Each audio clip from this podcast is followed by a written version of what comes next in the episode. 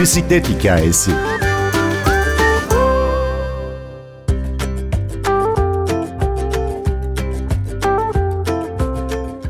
Rüzgar it beni, Biga Mekki Basu Yake. Bisikletli gezgin Hülya Koç 1995'te Güney Amerika'yı boydan boya tek başına pedalladı ve bu yolculuk girişte adını söylediğimiz kitaba dönüştü. Nedenini, nasılını YouTube ve Beatles'tan yol şarkıları eşliğinde kendisinden dinleyelim. Ben Günür Öztürkener, bir bisiklet hikayesi başlıyor. Bisiklete ben üniversiteyi bitirdikten sonra bir arkadaşımın vasıtasıyla başladım. Dağcılık yaparken tanıştığım bir kız arkadaşım bisikleti vardı. Ben de çok heveslendim. Kullanabilir miyim senin bisikletini dedim. İlk bir gün onların bahçesinde Anadolu yakasında İstanbul'da bisikleti binme hevesiyle tüm bir günümü o bisikletin üzerinde geçirmiştim. Sonra ertesi gün bütün bacak aralarım kıpkırmızı olmuştu düşmekten. Öylelikle başladım. Sonra üniversiteyi bitirince yurt dışına gittim bir serine. Şu anda İngiltere'deyim. İlk yurt dışına çıkışım İngiltere'ye olmuştu Londra'ya. Orada bir bisiklet alıp şehir içerisinde ulaşım aracı olarak kullanmaya başlayınca yavaş yavaş bisiklete olan sevgim, tutkum başladı diyebilirim. Sonra geri dönüyorsunuz. İzmir Marmaris arasında 5 günlük bir turunuz var. Evet, dediğim gibi ben doğa sporlarıyla bayağı ilgilendim ve aktif olarak dağcılık yaptım. Tüm bu doğa sporları bir şekilde doğadayken kullanabileceğiniz ya da aktif olabileceğiniz sporlar bir şekilde benim hem karakterime hem vücuduma uygun sporlardı. Türkiye'ye döndüğümde dağcılığa çok devam edemedim ama bisiklete daha fazla ağırlık vermeye başladım. Uzun yol yapmak istiyordum. Uzun yol yapınca da aklıma ilk Ege kıyıları geldi. İzmir Marmaris arasında bir tur yapmaya karar verdim. Tabii benim amacım biraz da keşfetmek. Spor yaparken bir yandan da o bölgeyi tanımak, bütün kasabalarından, köylerinden geçmek. Doğru ilk yaptığım tur İzmir Marmaris arasında 5 günlük. Seferihisar, Kuşadası, Aydın üzerinden sahilden ama Marmaris'e kadar gittim. Datça'ya geçtim Bodrum'dan. Oradan da en son durak Marmaris'te. Bu turla ilgili Duygu Asena sizden bir yazı istemiş. Evet doğrudur. Duygu Asena ile bir şekilde tanışmıştım. Ona turumu anlatınca çok heyecanlandı.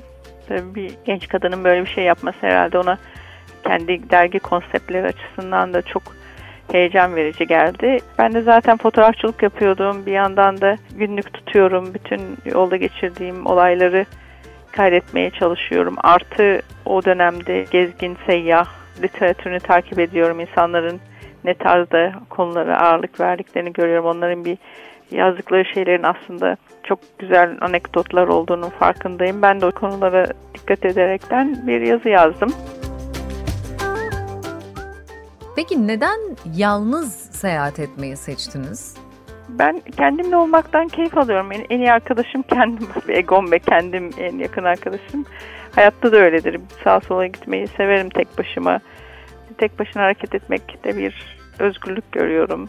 Her an simultane bir karar vermek, oradan oraya gitmek. Artı bazen tek kişi olmak pek çok kapıyı kolaylıkla açıyor insana. İki kişi olunca birisinin evine gidemiyorsunuz ya da bir şekilde birinden bir şey istemiyorsunuz. Bir kişi zaten bir külfet oluyor insan ama iki kişi imkansız hale geliyor.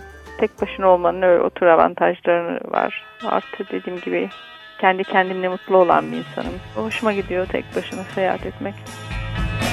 Think I'm gonna be sad. I think it's today.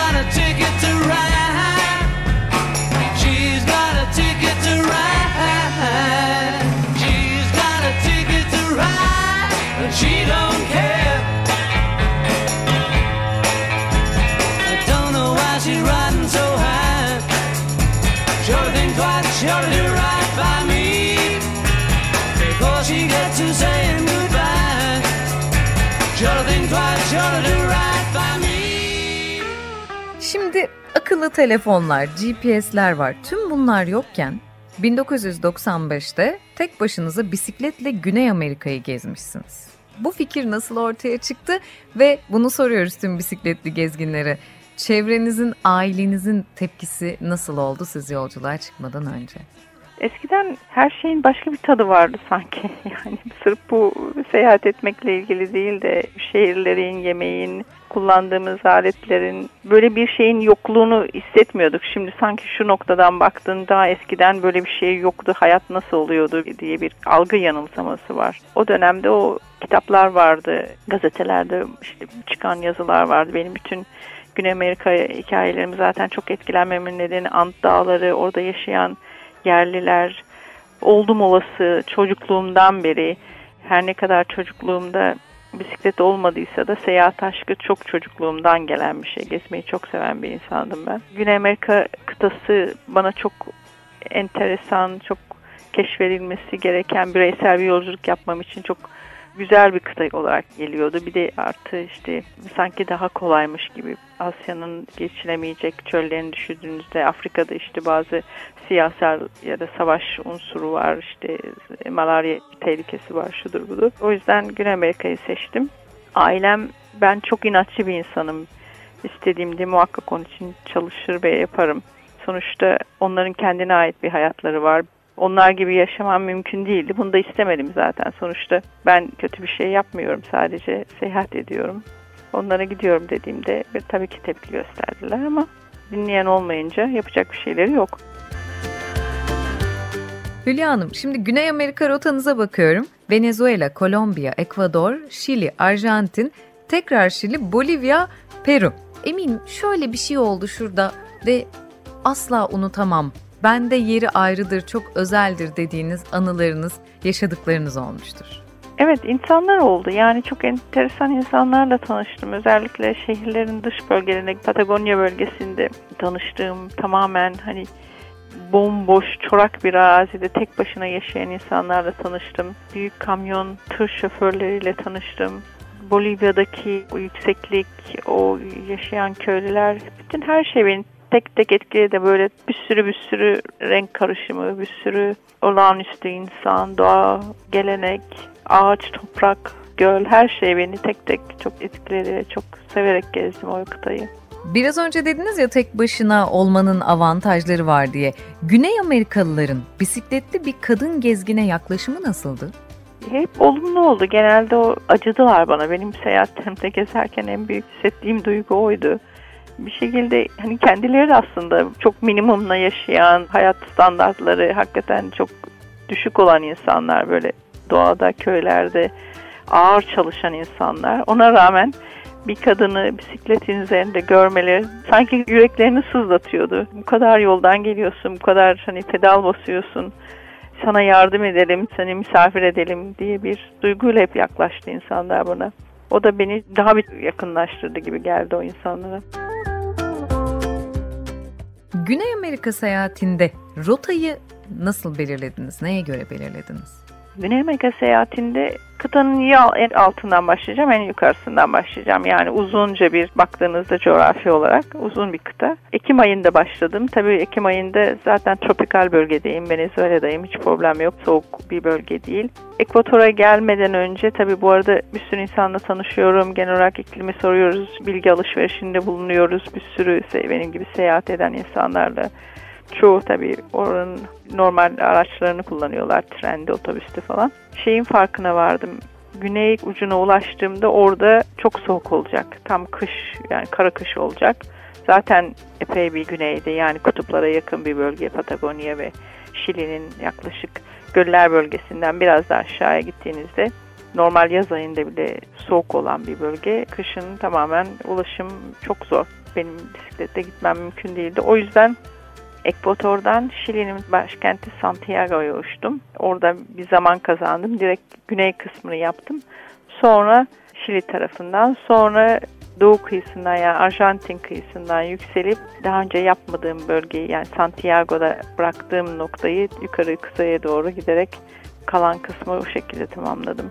Evdeki hesap çarşıya uymadı. Oraya gidince öyle bir düzeltmeye geçtim.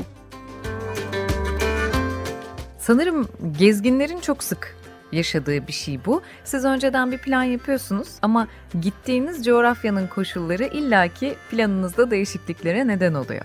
Tabii ki yani zaten simultane olmak lazım. Oraya gittiğinizde belki birisi şey söyleyecek yani şu artık bu bölge kapandı. Kimse oradan geçemiyor. Hiçbir araca izin vermiyorlar. İşte ya savaş başladı ya siyasi sebeplerle ya bir iklim özellikle çok önemli. Ya da siz bir sürü yerden bilgi almışsınız ama son durum hiç öyle değil. Her şey düzelmiş, her şey kolaylaşmış. O zaman ister istemez hadi rota değiştireyim diyorsunuz, şöyle yapayım. Tek kişi olmanın avantajı da o işte simultane hemen karar vermek ve duruma adapte olmak. Bu seyahatiniz daha sonra bir kitaba dönüşmüş. Rüzgar it beni. Tek başına yollara düşmek ayrı bir şey. Farklı bir kıtayı gezmek bambaşka. Bir de bunları yazıya dökmek, seyahat anılarını bir kitaba dönüştürmek var. Bunun gibi hayalleri olan insanlara ne önerirsiniz? Nereden başlasınlar? Seyahat literatürüne bakabilirler. Orada dile bakabilirler. Ne tarz şeyler insanlar önem gösteriyor. Artı günlük tutuyordum. O ister istemez bir belgeleme oluşturuyor. Daha sonra unutmam dediğiniz şeyleri bile hepsini unutuyorsunuz ister istemez. Genel olarak aklınızda kalıyor olaylar ya da insanlar. Günlük tutabilirler. Günlük tutmaları kesinlikle yazmanın %50'sini kolaylaştırıyor ileride hatırlamak açısından.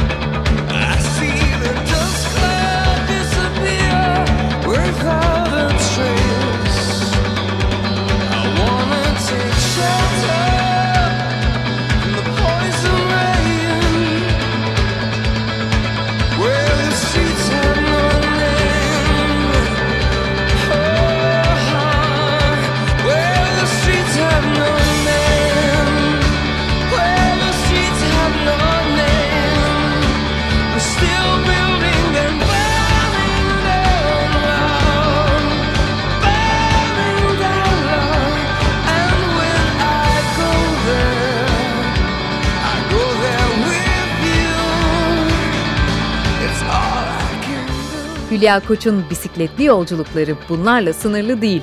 Bu sohbetin ikinci bölümünde bu kez 1997 yılında bisikletle Afrika macerasını ve bu tecrübenin bir belgesele dönüşmesini dinleyeceğiz. Ben Gündür Öztürk Yener, prodüksiyonda Atilla Özdal, bir bisiklet hikayesinde yeniden buluşalım.